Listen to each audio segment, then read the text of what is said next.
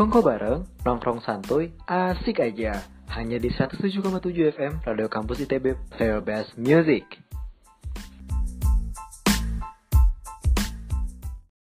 Halo teman-teman mahasiswa, gue Vian, dan selamat datang di episode ketiga Kongko Bareng Committed in First Step. Kali ini gue udah tersambung sama salah satu mahasiswa Oceanografi Batch 18, Kak Muhammad Firman Nurudin. Salah satu mahasiswa dengan karya-karyanya yang ciamik. Halo Kak Firman, gimana nih kabarnya? Halo, halo teman-teman. Alhamdulillah kabar baik. Ya masih di rumah sih. Hmm, hmm, hmm. Oh ya Kak, Eh, selama liburan semester nih, kesibukan apa aja yang kakak lakuin? Ya, uh, selama libur di pandemi ini, aku lumayan uh, ini sih lumayan padat kegiatan. Pertama hmm. karena liburan ini aku ngambil internship di ruang guru, jadi sehari-hari kalau nggak weekend aku internship di situ. Tapi kalau weekend, sekarang aku lagi coba inisiasi project. Mm -hmm. Ini namanya Sign to ya semacam uh, sharing session gitu tentang inovasi dan sains. Cuman kita bawakan dengan dengan cara-cara yang uh, beda gitu. Lalu selain itu aku juga lagi coba beberapa project untuk lomba sih. Oh, uh, untuk yang apa namanya tuh tadi, yang di platform belajar online kayak ruang guru tadi, kakak apakah meng, uh, mengajar langsung?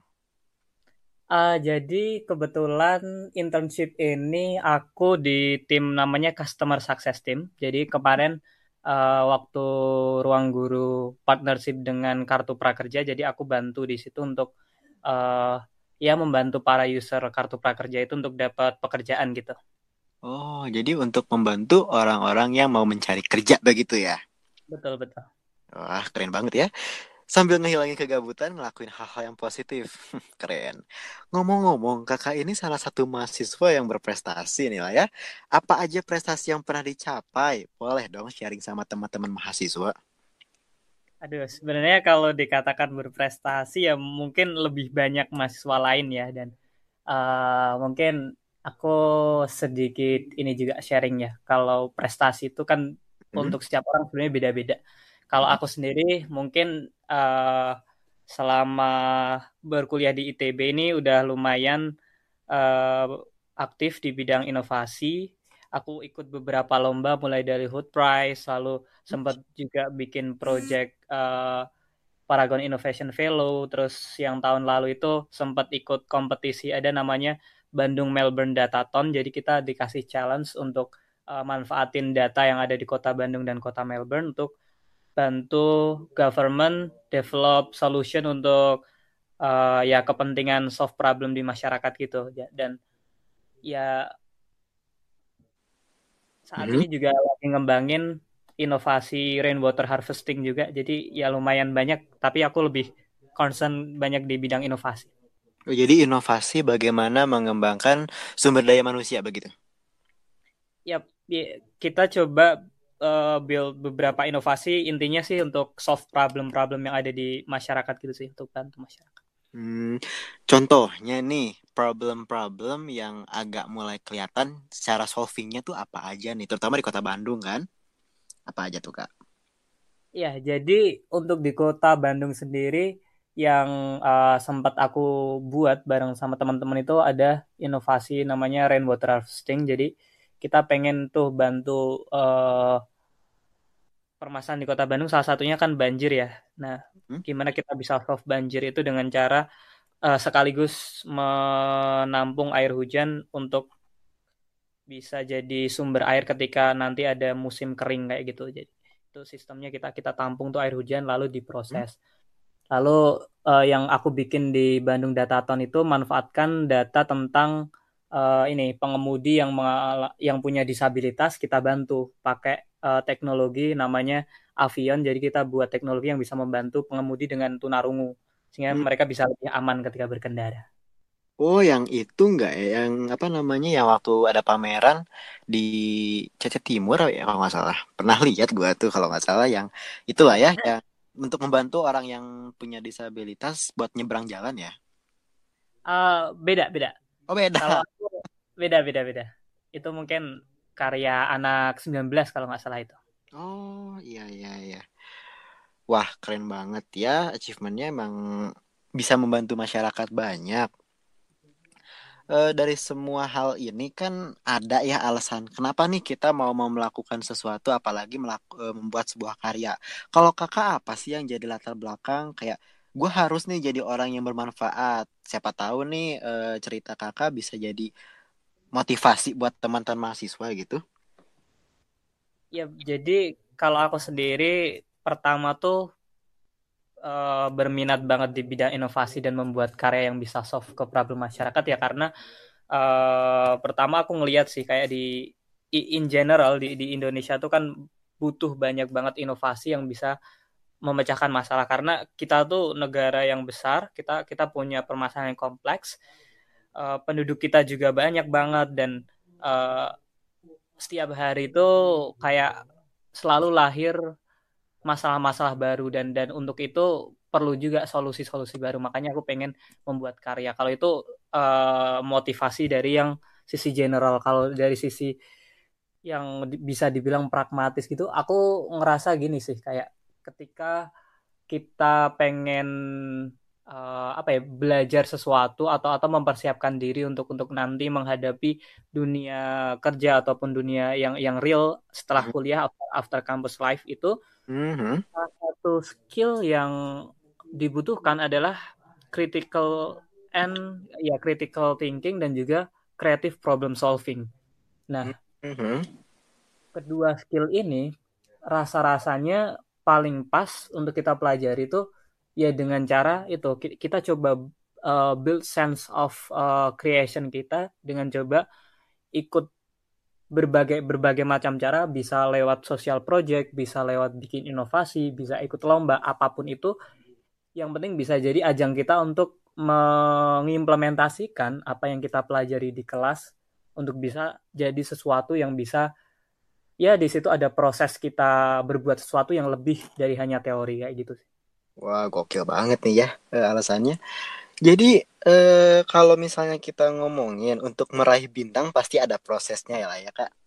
Betul, Selama betul. ini dalam eh, peng, apa dalam peraihan bintang tersebut ada kegiatan yang harus dilakukan. Nah kegiatan apa yang paling terkesan terutama dalam meraih karya-karya yang gemilang ini tuh apa nih kak?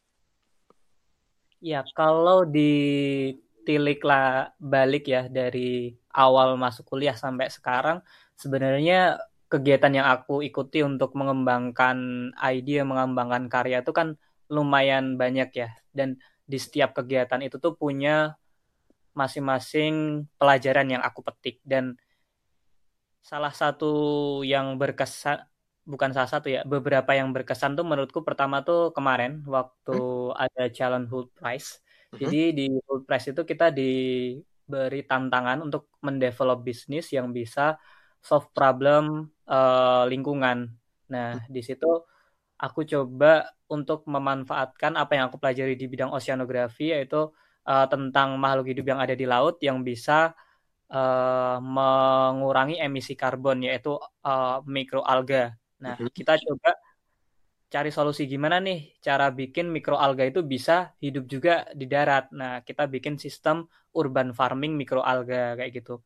Itu itu menarik sih kayak aku belajar sesuatu di kelas oceanografi biologi dan akhirnya aku bisa coba terapkan itu dalam bentuk konsep bisnis dan alhamdulillah kemarin dapat kesempatan untuk uh, mewakili Indonesia juga ke Hult Press regional dan menarik hmm. banget. Di situ aku belajar tentang value of creation, gimana kita juga kolaborasi dengan teman-teman dari background studi yang beda. Aku uh, kolaborasi sama anak tech kim, anak uh, business management, anak teknik industri dan itu benar-benar jadi pelajaran sih yang aku petik. Lalu selain itu aku juga sempat ikut program uh, Paragon Innovation Fellow. Di situ hmm. aku juga bawa topik tentang uh, edukasi tentang manajemen sampah. Nah, hmm. sampah ini kan ya kita tahu saat ini jadi problem yang super kompleks dan kita kalau mau ngomongin tentang gimana solve problem sampah itu juga harus kembali lagi untuk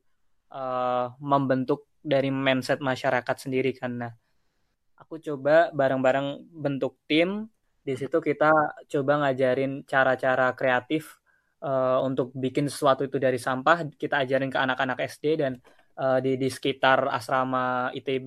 Uh-huh. Dan kita lakukan dan ya bersyukur banget sih dari situ juga belajar cara mendeliver pesan-pesan yang uh, ya tentang sustainable living gitu ke anak-anak dan itu respon mereka yang positif dengan uh, pola hidup seperti itu jadi semangat juga sih kayak kayak nambah semangat oh ternyata uh, ke depan tuh banyak banget loh generasi muda yang yang bisa jadi uh, agent of changes bisa jadi harapan kita di masa depan.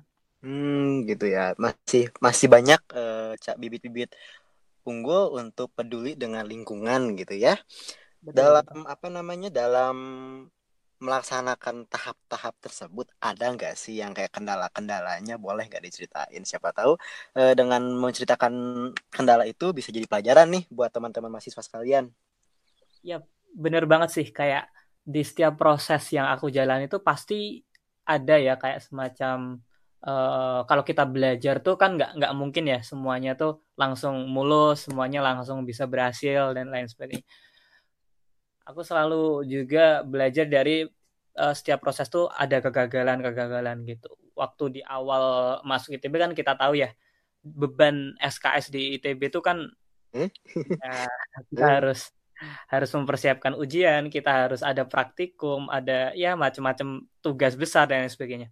Dan ketika kita pengen berkarya di ITB, salah satu uh, beban berat kita adalah gimana cara mengelola memanage waktu yang kita punya. Kita hmm. cuma punya 24 jam.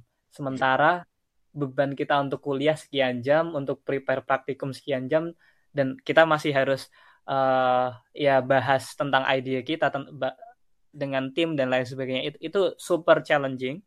Mm -hmm. Itu jadi kendala di awal bahkan sekarang pun juga masih masih kerasa sih kayak aku juga masih belajar uh, proses tahap belajar di situ tapi uh, dari apa ya proses mempelajari gimana sih kayak kayak nyari strategi yang pas untuk tetap ya kuliah bisa tetap achieve goalku juga di kuliah dengan uh, ya prestasi yang baik tapi hmm. juga tetap bisa berkreasi nah, itu sih kayak struggle yang yang paling uh, dasar yang aku alami selama berkarya di ITB lalu tantangannya juga adalah ketika kita punya ide atau punya gagasan, pengen berkarya, pengen buat sesuatu, tapi uh, semacam di sekitar kita atau teman-teman kita tuh uh, susah banget loh untuk untuk kita mencari yang se, se frame atau apa ya istilahnya punya concern atau semangat untuk berkarya kayak gitu. Nah, maka dari itu aku dari dulu selalu gini sih kayak kayak sempet bikin matriks bukan apa ya kayak, kayak memetakan gitu kayak hmm? aku punya temen yang khusus ini ini loh temen kayak temen ya curhat ini temen yang untuk kongko kongko aja ini ini temen yang uh, khusus untuk nanti bisa bantu aku achieve achieve goal goalku yang misalkan kayak berkarya ikut lomba dan sebagainya jadi itu sih benar-benar susah untuk uh, mencari orang-orang yang punya uh, ya niatan untuk untuk berkarya bareng-bareng dan punya semangat yang sama. Hmm. Itu tantangan. Hmm. Jadi kendala yang paling basic adalah ketika harus memanage yang uh, saat kita harus memanage waktu dan memanage pertemanan kita saat apalagi kalau kita memang mempunyai proyek untuk sebuah karya ya dengan keing apa kehidupan kita yang mahasiswa dan harus yang kongko itu ini kita harus pinter-pinter nge-manage-nya lah ya. Betul, betul. Nah, kalau misalnya nih kebiasaannya nih kalau ada orang yang saya mau berkarya, saya punya project. Kakak pernah nggak sih mengalami yang adanya penolakan dari orang sekitar atau ya kasarnya diremehkan eh, ide-ide kakak gitu? Pernah nggak kak?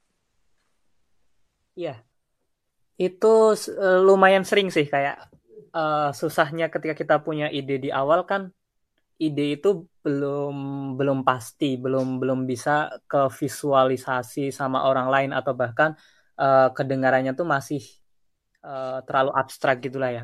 Aku sempat pengalaman waktu tahun lalu tuh mau coba untuk ikut PKM.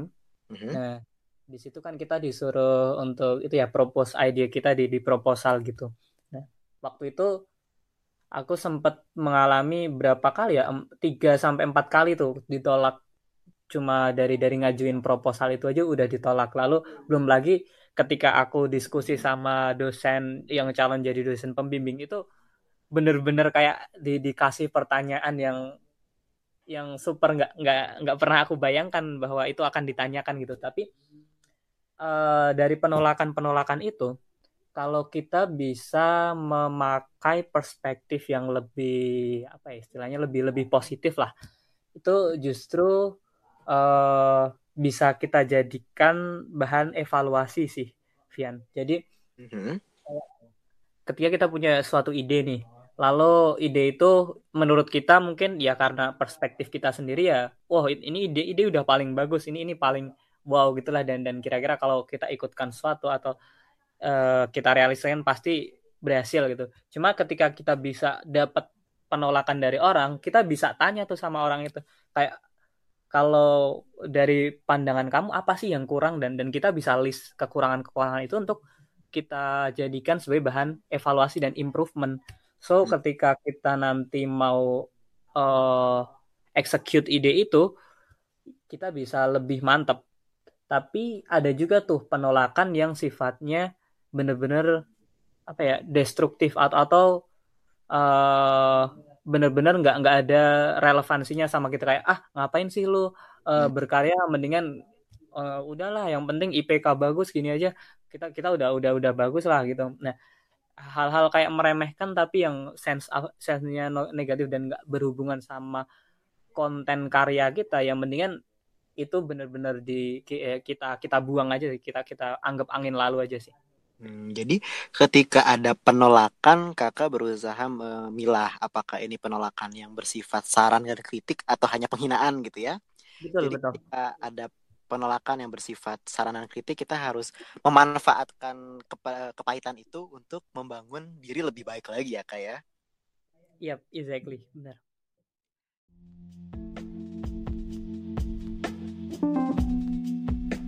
Halo teman-teman mahasiswa, jangan ke mana-mana ya, tetap di Kongko bareng, nongkrong santuy, asik aja.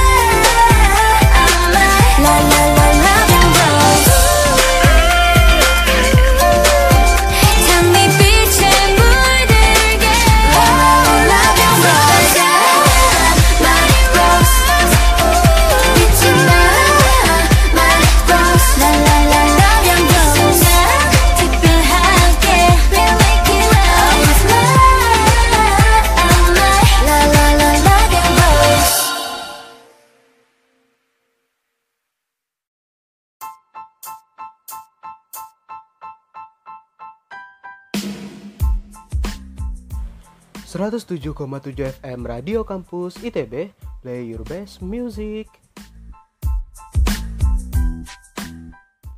Oke, um, Kak Firman pasti pernah berkarya saat pada tingkat satu yang biasa kita sebut TPB ya.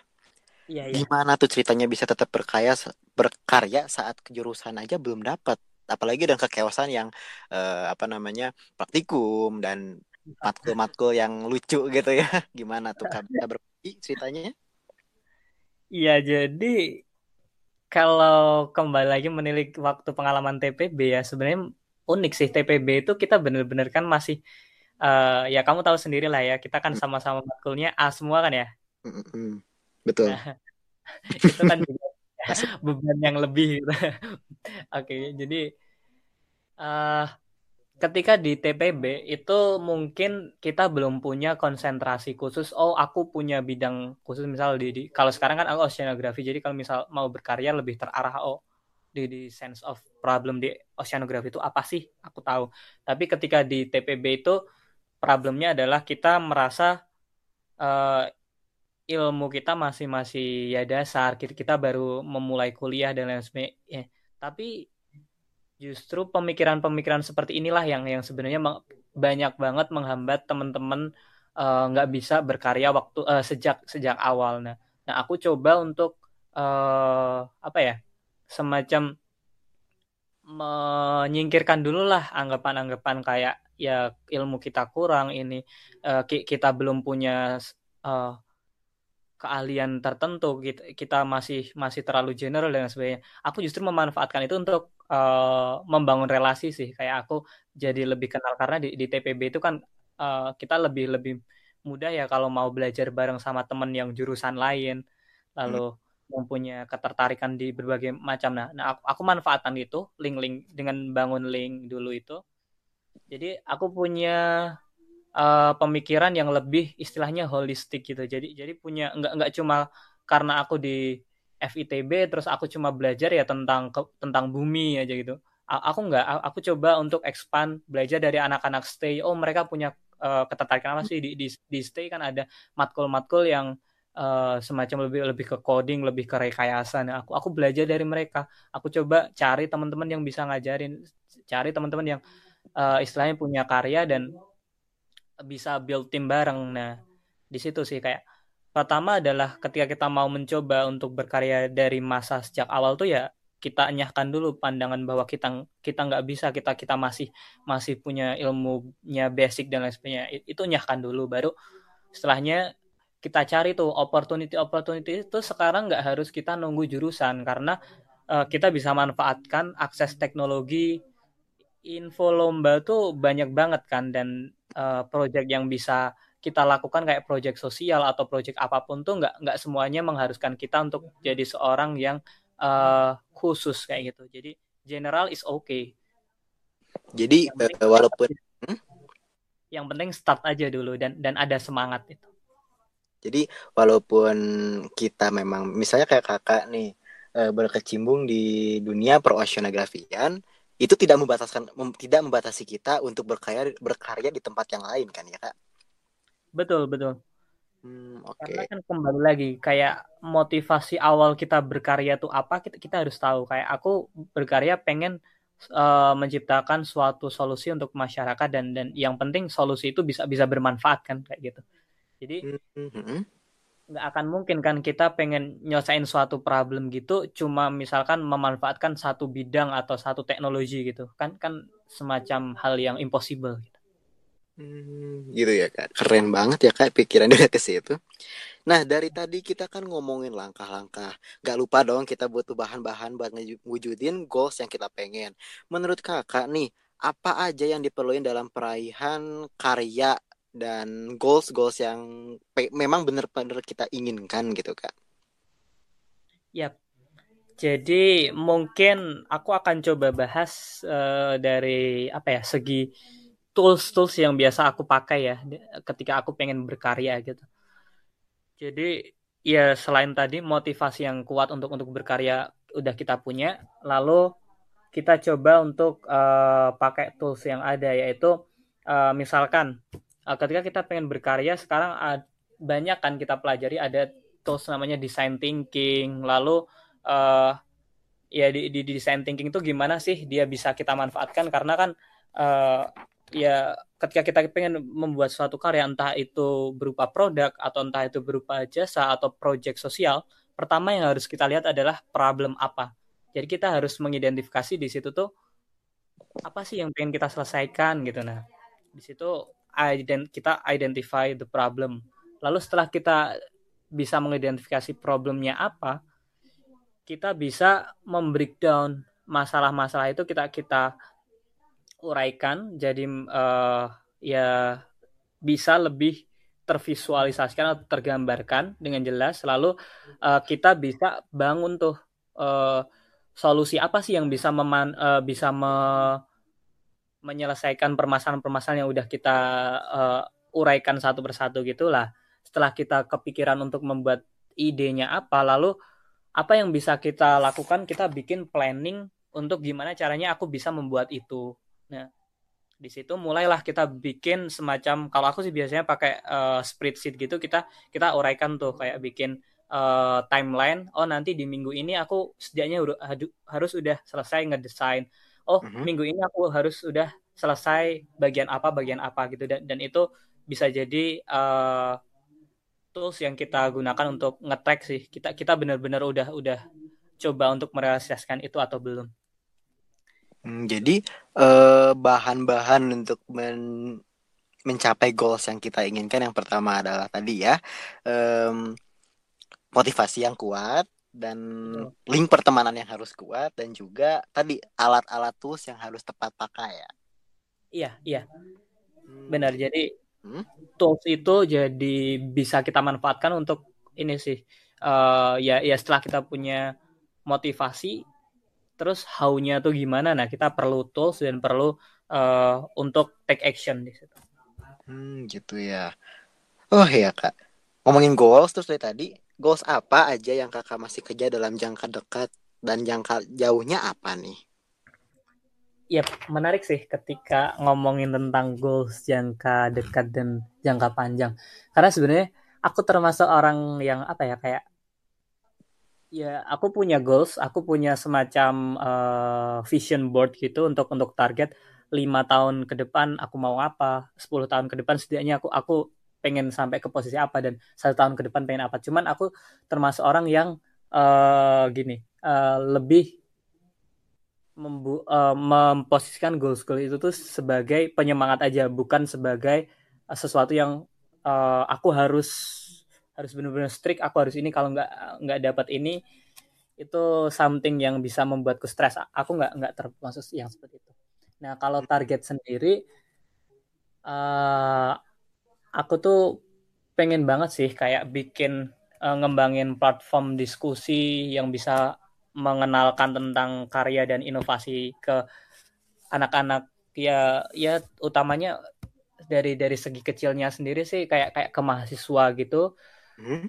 sehingga eh, semangat untuk berkarya dan berinovasi itu le- lebih banyak lagi karena tadi yang aku ceritakan Indonesia kan punya banyak banget tuh problem dan kalau aja tuh setiap satu anak aja mikirin sebuah solusi untuk sebuah problem itu kan yang bisa kita lihat di 5-10 tahun ke depan kan pasti akan banyak banget kan impactnya dan Hmm. uh, aku juga lagi kebetulan tahun ini dapat kepercayaan untuk jadi dirjen inisiasi karya di KMITB Wah, ya Ya. ke dep- ya mohon doanya juga. Ke depan kita akan coba launch ada program namanya mini classes dan juga internal challenge di situ nah mini classes ini konsepnya seperti apa? Konsepnya adalah kita eh, bikin nggak cuma webinar dan lain sebagainya atau sharing session gitu nggak tapi kita bikin mentorship program nah mentorshipnya ini nanti akan menghubungkan mahasiswa-mahasiswa ITB yang mereka udah expert udah punya pengalaman dalam berkarya untuk membimbing nih setiap mahasiswa yang yang punya semangat untuk bikin sosial project, bikin eh, sesuatu project apa pun itulah. Yang penting mereka pengen berkarya dan harapannya sih eh, mereka bisa kebantu sih Da- dan ada link kayak semakin menguatkan ini sih kayak support system untuk berkarya di ITB. Hmm, mm-mm. Kalau jangka panjangnya apa ya? Mungkin sih eh, ini sih aku kan peng punya concern di bidang oceanografi gitu dan eh, sisi kelautan di Indonesia itu kan masih banyak banget yang perlu dieksplor. Nah, aku pengen banget untuk mengambil nanti mohon doanya juga pengen difokus ke pembangunan smart ecoport yaitu pelabuhan yang lebih sustainable dan menggunakan eh, ya ya digitalisasi pelabuhan gitulah. Nah, di situ eh, aku pengen pengen memfokuskan diri ke situ. Hmm, jadi lebih lebih bagaimana untuk membantu sesama lah ya kak ya lebih tepatnya begitu. Betul betul. Mm-mm. Eh, kan ini udah mau masuk ya anak-anak angkatan 2020. Sekalian nih buat angkatan 2019, saran apa nih Kak buat teman-teman seangkatan, teman-teman angkatan 19 atau calon mahasiswa baru kampus Gajah duduk nih biar bisa tetap berkarya di tengah kepadatan jadwal kuliah. Iya, jadi untuk pesan mungkin eh agak general ya pesanku tuh kayak eh, kita kan sekarang mengalami eh, ya ya masa yang bisa dibilang volatile, uncertain, kompleks dan penuh ambiguitas gitu. Jadi eh, setiap hari banyak banget inovasi-inovasi baru lahir, tiap hari eh, banyak banget problem-problem baru lahir dan tren yang kita hadapi tiap hari tuh selalu berubahnya tuh cepet banget gitu. Nah, di masa-masa yang yang benar-benar serba serba membutuhkan pemikiran dan inovasi kayak gini, nah itu kita harus benar-benar kembali lagi sih reflect ke diri kita tuh kita mulai tanyakan eh sebenarnya aku tuh pengen contribute apa sih ke ya mungkin lingkungan sekitar atau setidaknya orang-orang di sekitarku dan aku tuh pengen pengen ngapain sih di di di di, di hidup. Kayak ya kembali lagi kita kita menanyakan pertanyaan fundamental gitu karena pertanyaan itu lah yang nantinya bisa membantu kita untuk bisa eh, ya menghadapi masa-masa sulit seperti ini. dan perlu banyak banget sih anak muda yang punya semangat untuk berkarya di bidang apa pun itu, entah itu relate dengan apa yang mereka pelajari sekarang atau tidak. Yang penting ketika karya itu bisa bermanfaat ke orang lain, bisa spread positive impact, just do it, lakukan itu karena insya Allah pasti akan membawa sesuatu yang uh, positif juga sih ke masyarakat. Dan yang penting ketika kalian punya semangat untuk berkarya, jangan takut untuk memulai. Karena mumpung kita masih muda, mumpung kita masih awal, apalagi untuk nanti adik-adik yang baru masuk ke ITB, inilah tahap yang tepat untuk kita gunakan mengeksplorasi diri kita. Ya namanya aja kan kita juga masih belajar kan ya. Jadi ketika kita masih belajar kan mungkin nanti di tengah jalan ada kesalahan, ada apa pun itu ya justru itulah saat kita untuk bisa belajar dari apa pun entah itu keberhasilan, entah itu kegagalan karena ya tantangan ke depan tuh akan super lebih kompleks tapi nggak eh, jangan takut asalkan kita mau mencoba, mau berusaha dan terus punya mental untuk jadi seorang yang pembelajar, pasti bisa untuk mengatasi itu semua sih. Hmm, jadi uh, untuk sarannya harus kuat ya. Jadi jangan uh, takut untuk memulai apa pun itu asal positif. Betul. Hmm, gitu ya. Waduh, udah di ujung acara nih. Terima kasih banyak buat Kak Kakaknya. Um, buat Kak Firman sehat selalu ke depannya. Semoga karya-karyanya selalu menjadi penolong untuk setiap permasalahan di Indonesia. Amin amin. Thank you banget Vian. Hmm. Wah, keren banget ya teman-teman mahasiswa. Sabi banget ditiru apalagi cita-cita masa lalu Kak Firman bisa jadi motivasi atau pelajaran buat kita. Sekian dulu ya teman-teman mahasiswa. Stay tune terus di podcast Kongko Bareng selanjutnya di episode keempat yang gak kalah kece. Gue Vian, goodbye.